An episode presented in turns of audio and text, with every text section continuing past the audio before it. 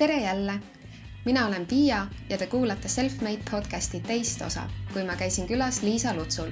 Liisa teeb koos abikaasa Hennoga oma Telliskivi loomelinnaku stuudios igasuguseid lahedaid liikuvaid pilte. näiteks on nende firma Mellow kujundanud klippe Just filmile ja Tallinn Bicycle Weekile. muuhulgas on Liisa pidanud üht Eesti esimest tänavastiili blogi Street Style ning saanud üle maailma kuulsaks kui see pruut, kes tegi enda pulmas ise pilti järgneva pooltunni jooksul vestlemegi sellest, miks ta hakkas vabakutselise asemel ettevõtjaks. mis tunne see oli, kui tema pildid said internetis täiesti vairaliks. teemaks tulevad ka Instagram, töö ja pereelu balansseerimine, välismaal elamine ja enda enesekindluse leidmine. head kuulamist. tere, Liisa. tere. me istume siin sinu kontoris või stuudios Telliskivi loomalinnakus, mis on, mulle tundub, et see nagu ruum hästi iseloomustab sind ja see loomalinnak on selline nagu nimi ütleb, väga mõnus koht, kus loomeettevõtetel olla. aga räägi natukene, mis mis sinu igapäevatöö on? mida sa teed siin? no okei okay,, ma üritan mõelda mingi siukse standardse päeva. kui ma tulen kontorisse. kas sul on standardsed päevad? tegelikult ei ole, aga, aga ma lihtsalt pean enda kuidagi ju, ju panema kokku, sest muidu ma lihtsalt räägiks, et ma teen igast erinevaid mm asju kogu aeg ja tavaliselt hommik algab võib-olla sellega, et, et loen meili kas on mõnelt kliendilt olnud mingisugune tagasiside või päring mingi projekti kohta. et me siis, mis me teeme, on videosid ja animatsiooni ja natuke ka fotot. ja siis sõltuvalt päevast, siis mõnikord on kliendi kohtumine, klient tuleb meie kontorisse, räägib, mis ta tahab, mina räägin, mis me teha oskame. kui on võte, siis me läheme kuskile võttele, filmime, tavaliselt on need kuidagi inimestega seotud projektid, et kas siis inimesi midagi rääkimas, inimesi midagi tegemas filmime või mingeid üritusi ja siis äh, veel suur osa tööst, mida teen, on, et ma monteerin, monteerin kokku videosid. ehk siis äh, Henno on see, kes filmib materjali kokku ja mina olen see, kes pärast äh, hakkab seda lõikama selleks, mis sellest lõpuks tuleb. ja kui rääkida veel filmist, siis mina olen see, kes Hennole ütleb, kuidas ja mida filmida ja millal.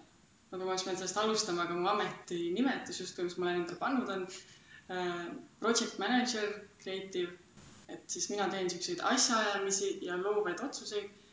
Ettevõtte teine pool ehk mu elukaaslane, abikaasa. Äh, tema on siis äh, teostaja, tehniline teostaja, ta filmib, ta vastutab tehnika eest, äh, ta teeb mingeid selliseid värvitöötluseid, võib-olla selliseid natuke tehnilisemaid asju, et mitte niivõrd loovaid otsuseid, vaid nii, et need loovad otsused saaksid teostuseks. kuidas see nagu kujunes, et, et sina nagu liigutad tema kätt või et sina ütled talle, et mida teha, sest tegelikult Henno on ju ka väga loova taustaga. Ma arvan, et, et see lihtsalt äh, tekkis hästi loomulikult, sellepärast et äh, tegelikult äh, Hennole meeldib teha asju, kui talle öeldakse, mida tuleb teha, sest et ta, talle meeldib ka mingid raamid ees sellele mida, tema teeb. Ja minule meeldib mõelda asju, mida teha.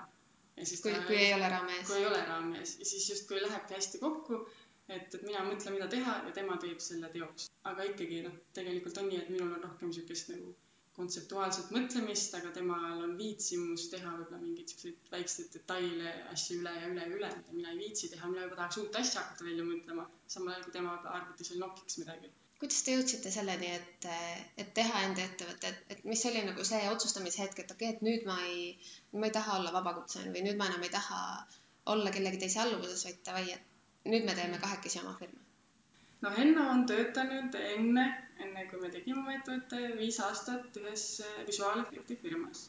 ja samal ajal seal no viimasel aastal me juba hakkasime koos mingeid asju tegema mm, -hmm. aga mitte siis nii ametlikult.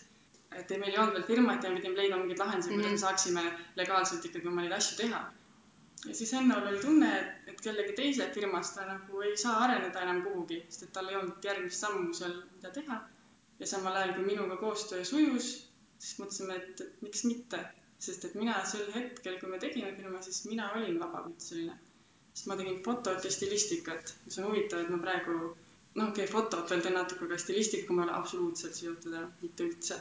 aga ühesõnaga jah, et me olime enne teinud mingeid asju ja siis leidsime, et oleks, peaks ametlikuks tegema selle ja, ja tegime ja, ja ja kusjuures mulle meeldib see, et, et me noh, võib-olla see on vale, ma ei tahaks kellelegi seda soovitada, aga me ei teinud mingisugust äh, äriplaani ja äh, neid äh,, mis need nüüd ongi, SWOT analüüsi mm -hmm. ja, ja mingeid siukseid asju, et, et võib-olla see on natuke vale, et me, me ei, me ei mõelnud ette tulevikule, et mis juhtub siis ja mis juhtub siis või et, et milleks me peame valmistuma ja me ka ei kogunud mingit erilist algkapitali, et me lihtsalt mõtlesime, et teeme ja vaatame, mis juhtub. ja noh, ma loodan, et midagi ära ei suru, aga nüüd on, ma ei tea, kaks aastat või kaua me oleme tegutsenud ja kõik on väga, väga okei okay on. Nagu see juriidiline äh, keha nii-öelda and, andiski teile võimaluse hakata rohkem nagu otsima mingeid asju või, või need projektid, need pakkumised hakkasid ise teie juurde tulema? kusjuures äh, kõik, ainult ühe projekti olen ma kuidagi ise otsinud, kõik asjad on tulnud meile ise ja see, see teebki mind kuidagi hästi, kuidagi enesekindlaks, võib-olla see ka ma ei tea, kõik need soovitused tunduvad nii valed, ma kujutan ette, et mingi seal kuskil ettevõtluskoolis räägitakse vastupidist juttu, aga mulle lihtsalt tundub, et kuna asjad tulevad nii lihtsalt, siis mulle tundub, et see on õige asi. et äh, tuttavate, tuttavate, tuttavate kaudu järjest tulevad mingisugused projektid, teed ühe projekti hästi ära, siis, siis nad tahavad uuesti sinuga koos teha tööd või siis soovitavad sind kellelegi.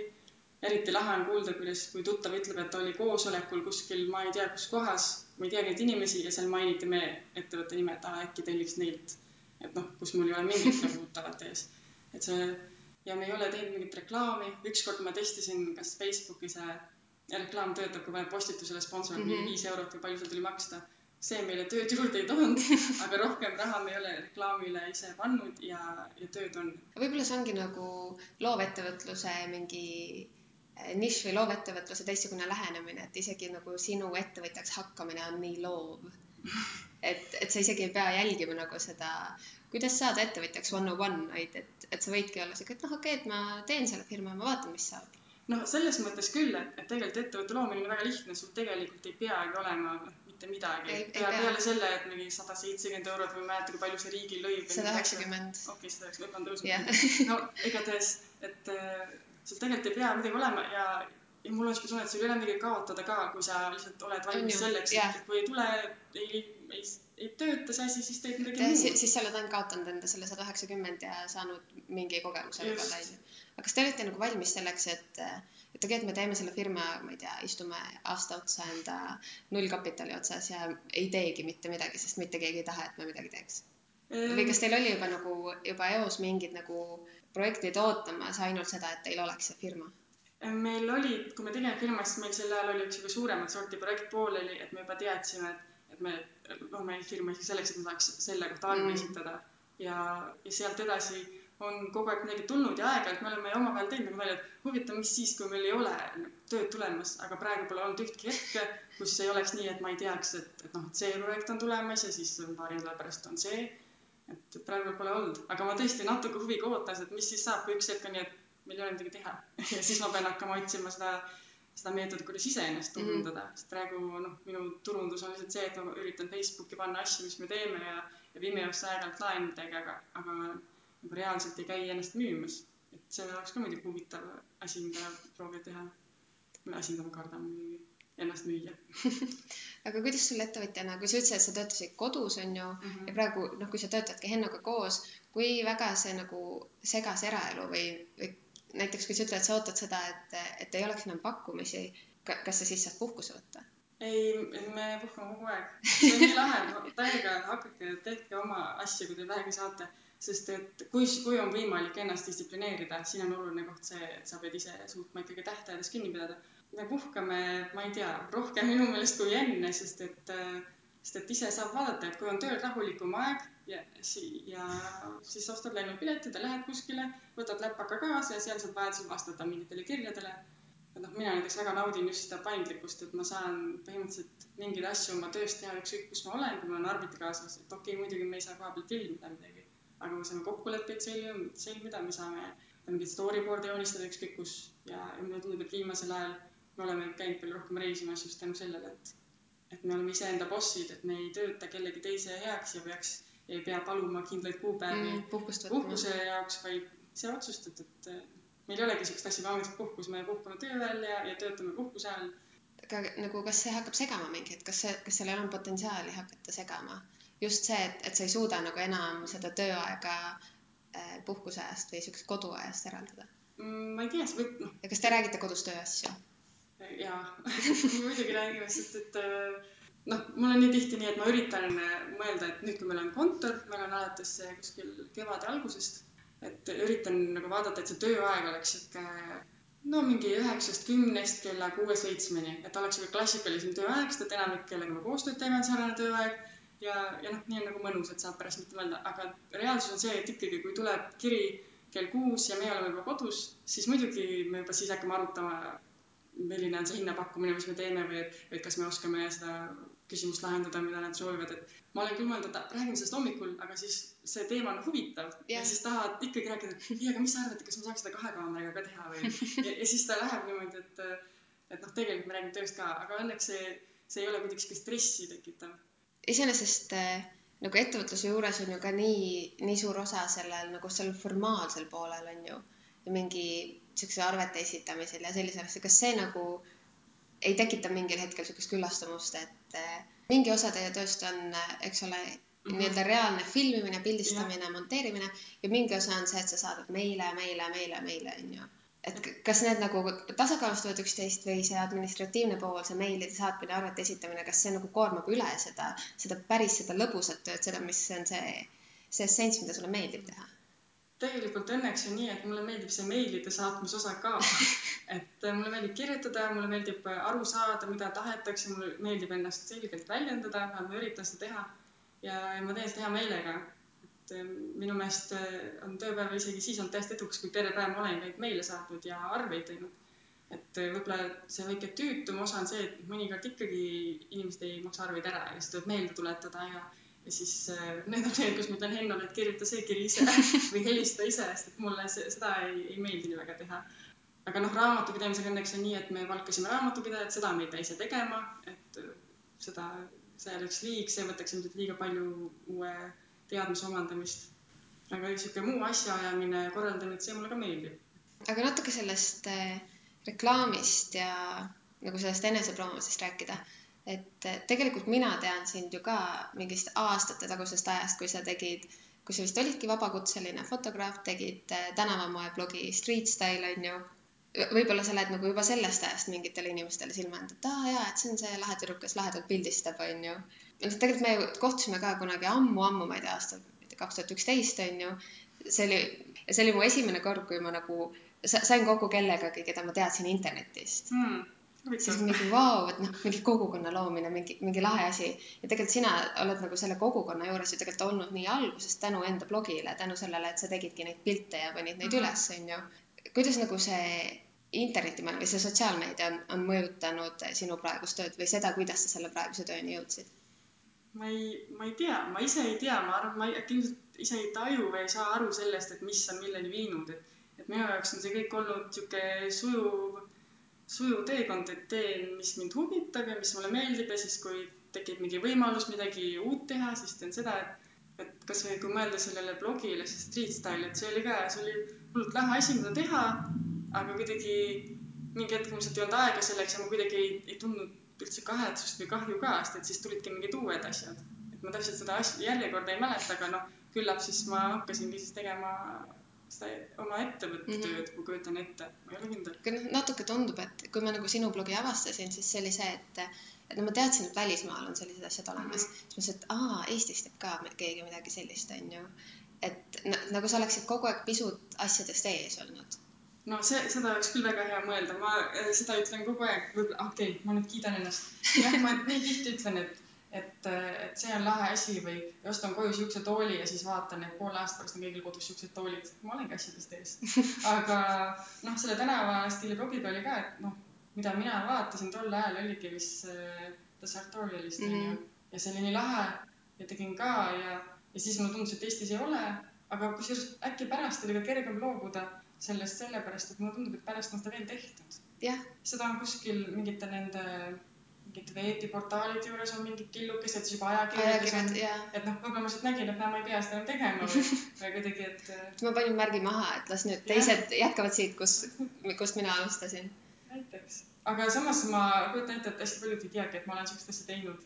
vähemalt äh, mul praegu küll ei meenu, et, et keegi oleks kuidagi öelnud, et kuule, sa oled ju see, kes mm. Street Style'i blogi tegi, et, praegu ikka öeldakse, et kuule, sa oled see, kes need äh, pulmapildid tegi et äh, võib-olla see rohkem seostub, kuigi ka selle kaudu pean kohe ära ütlema, me ei ole saanud uut tööd tänu sellele. kusjuures mu järgmine küsimus olekski olnud, et, et noh, kui me rääkisime internetist ja eh, sotsiaalmeediast, et eh, et see, see pulmafoto seeria, mis sa tegid, et see läks nagu nii kiiresti nii vairaliks, et, et kas see tõi teile nagu mingeid pakkumisi juurde?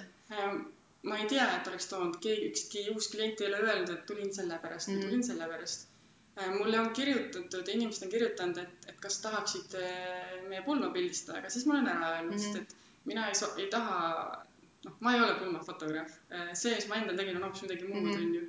et ühesõnaga, meil ei ole üht, minu teada ühtki tööd selle kaudu tulnud, et on tulnud mingid päringud, mingid asjad, aga need ei ole päris need, mida me teeksime mm ma ei, ma ei tea, äkki keegi kujutab ette tõesti, et, et kutsub mind pulma pildistama, siis ma teen ka mingid veidrad pildid ja siis saab ka vairaliks, aga noh, selline asi ei juhtu, see asi juhtubki ükskord elus ja, ja noh, seda sa ei saa ette ennustada või, või kellelegi nagu teadlikult või meelega teha, ma arvan.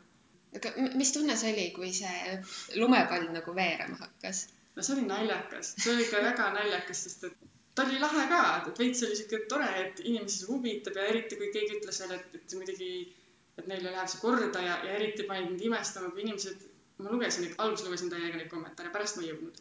ja kui inimesed kommenteerivad, et vaatavad pilti ja pisar tuleb silma, siis ma olen, mis asja, veits naljakas, et minul ka ei tulnud mu pulma peal pisar silma. inimesed vaatavad minu mingeid pilte, mida ma tegin niimoodi lõbusas hoos, ilma mm -hmm. mõtlemata mingile asjale, mida ma teen.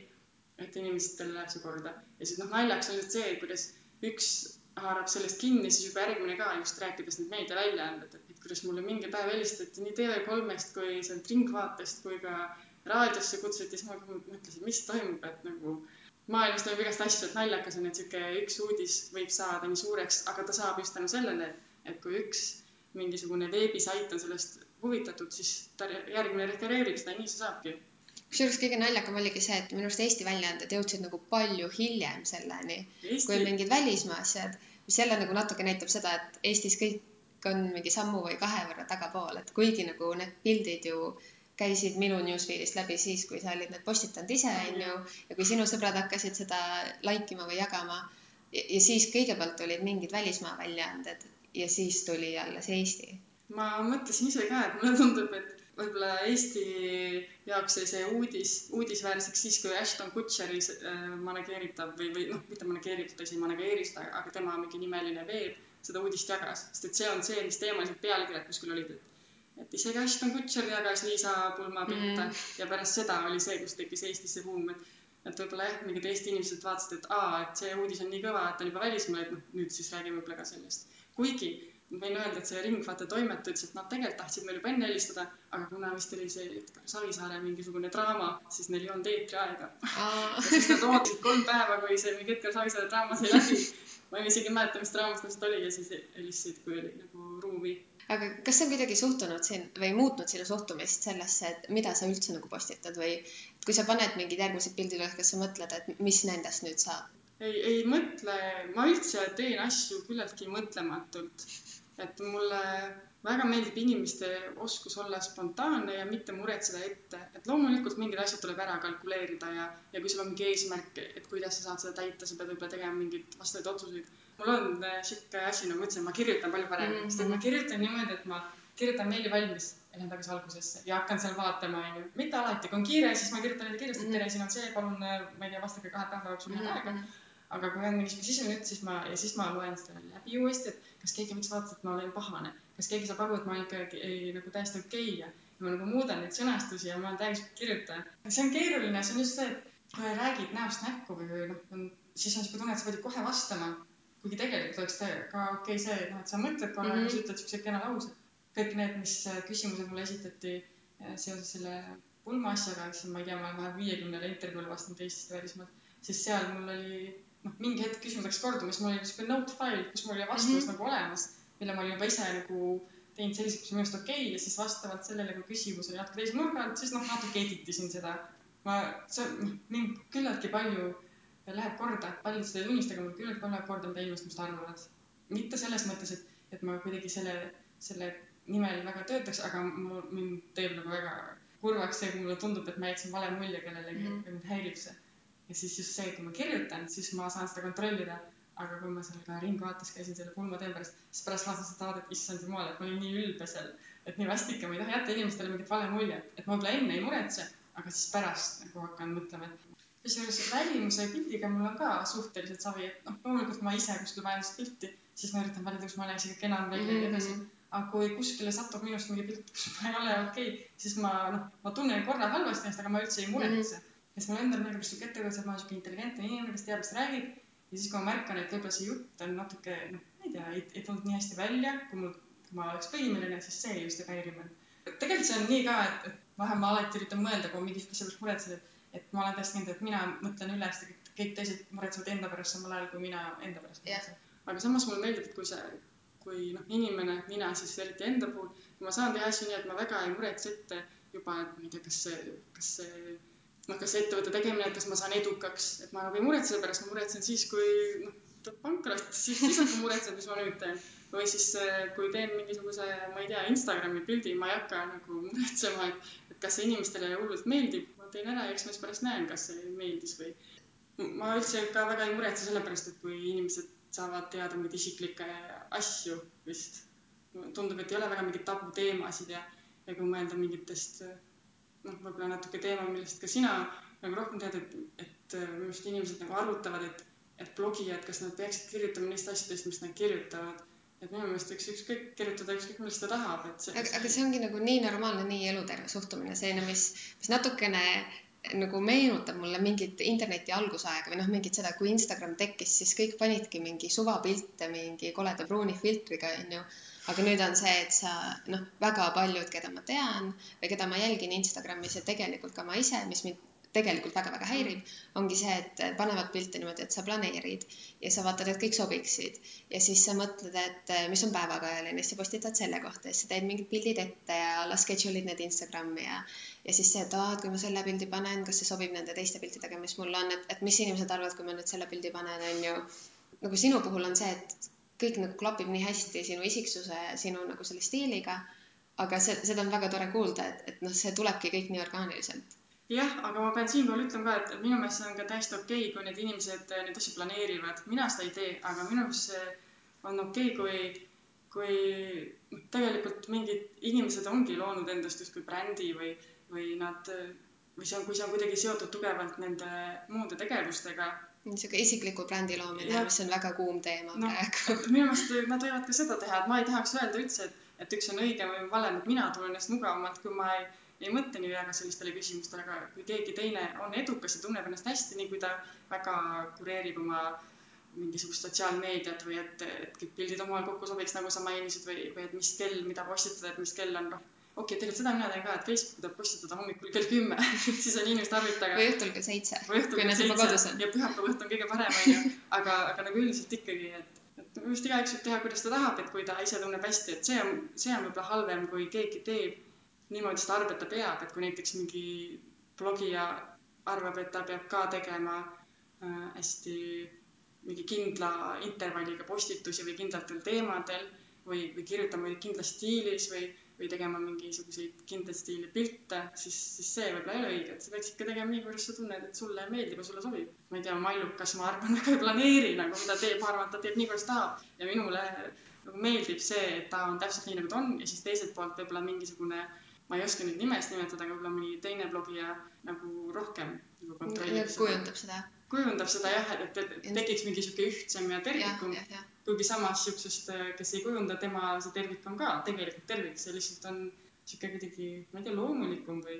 mis sa arvad, kas äh, Mellow, sinu ettevõte siis, kas see kuidagi toetab sinu seda personaalset brändi? ma ei tea, kas mul ongi personaalset brändi ma ei tea, ma ei tea, ei ma ei tea, mina tunnen küll, et see Mello, see on üks osa minust või üks osa meist. nagu ma ütlesin, et ma kodus ikkagi õhtul pärast mm -hmm. tööd räägin tööst ja mu mõtted on seotud tööga ja samal ajal, kui panen kodus kappe kokku, et magamistuba ilusamaks, siis kontoris panen kappe kokku, tahan teha seda ilusamaks, et kõik need asjad on mul sümbioosis ja mul ei ole ja nad on osa minust, aga ma ei tea, kas see on kuidagi mingisugune bränd või, või kas keegi oskaks teha mingit äh, analüüsi minule kui brändile ja siis mis osa Mellol see oleks Pole sellele mõelnud üldse niimoodi? Mm, sina kui, kui tuleviku, tulevikku vaatav ja tulevikutrendide avastaja. Eh, mis sa arvad, kuhu suunas üldse selline nagu eh, loovtegevus liigub? no kas, kas täpselt selline iseenda promomine või iseenda tööandjaks hakkamine on, on tuleviku teema, sest mulle tundub küll, et just sihuke millennialite eh, generatsioon pigem otsib seda, kuidas nad saavad eh, kas või siis vähema majandusliku kindlustatusega teha seda, mida nad tõsiselt armastavad, mitte seda, et okei okay,, et ma, ma saan raha ja ma olen rahul sellega, aga mulle mu töö ei meeldi mm. -hmm. et äh, muidugi ma kindlasti ei tea, mis see mingi statistika räägib, aga kui ma mõtlen, mis minu tutvusringkonnas ja mu kõhutunne ja mu tuttavad mu ümber, siis on väga see, et inimesed üritavad luua tõesti oma ettevõtteid või siis äh, noh, mõni ka kuidagi teise, mõne muu juriidilise vormi alt FIE-na, et teha seda, mis neile meeldib ja mitte töötada mingisuguses suures organisatsioonis. Et mul on äh, nii palju tuttavad ka, kes on looasjadega tegelenud võib-olla nii, et nad on enne töötanud kuskil nagu suuremas firmas, aga siis teevad oma väikesed firmad ja kui vaadata kasvõi mingisuguseid auhindu, mis on saanud, siis ei ole üldse nii, et need suured firmad kuidagi edestaks neid, vaid väikesed on ka väga edukad, sest nad teevad oma asju kirega, neil ei ole seda ambitsiooni kasvada mingi viiekümne töötajaga kohaks, vaid nad tahavadki teha, ise valida, mis projekte nad võtavad. ja ühesõnaga mulle tundub, et see on kindlasti sinnapoole liikuv, et inimesed äh, saavad iseenda bossideks, teevad, mis tahavad, aga teevad neid asju nii, et nad ikka kontrollivad, mida teevad, ei löö ainult lulli. mulle tundub, et äkki see on kuidagi kasulikum igatpidi, inimesed on tervemad ja rõõmsamad ja. ja no ma mõtlen seda, et see ei ole ainult mingi Eesti värk, et, et on mingi ettevõtluse buum või see, et -hmm. meil on nagu nii lihtne ettevõtet teha, sest minu arust see on välismaal ka nagu üleüldine trend selle poole, et sa hakkadki iseendale ettevõtjaks, ettevõtjaks ja et sa teedki seda, mida sa ise tahad mm. -hmm noh, see on ka ilmselt seotud sellega, et, et äh, enamik asju, mida tehakse, on ju teenuste pakkumine praegu. et äh, nii palju on selliseid, kuidas öelda, mingeid äh, luksuslikke kuidas, kuidas ta. elustiili. luksusliku elustiili juurde käivad mingeid asju, mida, millega saavad, no on olemas mingid stilistid ja toitumisnõustajad ja kõik siuksed mm -hmm. erinevad ametid, mis on täiesti okeid ametid, aga need on sellised selles mõttes pigem uued ametid ja need, need toetavad seda väga, et inimene saab üksi teha seda, mida ta tahab. Äh, kas, ma tean, sa oled hästi palju Londonis käinud, su vend vist elab seal mm. -hmm. et kas sinu elu jääb Eestisse? kindlasti, täiesti kindlasti, see on veider, aga mulle, noh, mulle endale on see veider, sest ma nii armastan reisida. Ma võin kõik, kõik meie dividendid, mis me välja võtame, ma võin reisimise alla panna seni, kuni mul noh, ei ole mingeid muid siukseid, ma ei tea, last või midagi mm. -hmm. aga aga samas ma ei kujuta ette, et ma elaksin kuskil mujal. mulle meeldib Eesti, siin on mõnus, ma tunnen ennast siin hästi, tunnen turvaliselt. siin on, kõik on kuidagi nii õige siin ja nii mõnus on, kui sa käid ära kuskil ja tuled tagasi siia oma mõnusasse kohta. et ma võiks, ma kujutan ette, et ma võiksin elada kuskil noh, mingid kuud või kui ka tööga mingi projekt viib kuskile välismaale, siis seal teha midagi, aga ma ei kujuta ette elamist mujal ja eriti hea kui tuttavad elavad välismaal, siis ma saan neil alati külas käia, mu vend või noh, mu ema ei ela mm -hmm. Eestis ja et võib-olla see on ka tegelikult ma praegu alles esimest korda mõtlesin, et äkki sellepärast mulle nii väga meeldibki Eestis elada, et mul, ma saan, mul on õnneks suurepärane võimalus käia igal pool ja siis kui mm -hmm. ma olen mhm. käinud, siis mul ei ole sellist kihku elada mujal mm, -hmm. sest ma saan niigi käia ja vaadata neid erinevaid kohti. Ja lõpetuseks äh, ma tahan äh, küsida küsimuse, mida ma küsin pea kõigilt, äh, kes minu saates on käinud. kes on need naised, kes sind inspireerivad või kust sa ammutad enda inspiratsiooni? ma ei tea, tundub, et äkki mis või kes mind inspireerib, on mingisugune minu enda ettekujutus sellest, kes ma võiksin olla. ja sellest, mida ma võiksin teha mida ma võiksin saavutada või mis ma arvan, mis võiksid olla mu väärtused, aga ma tunnen, et äkki need veel ei ole.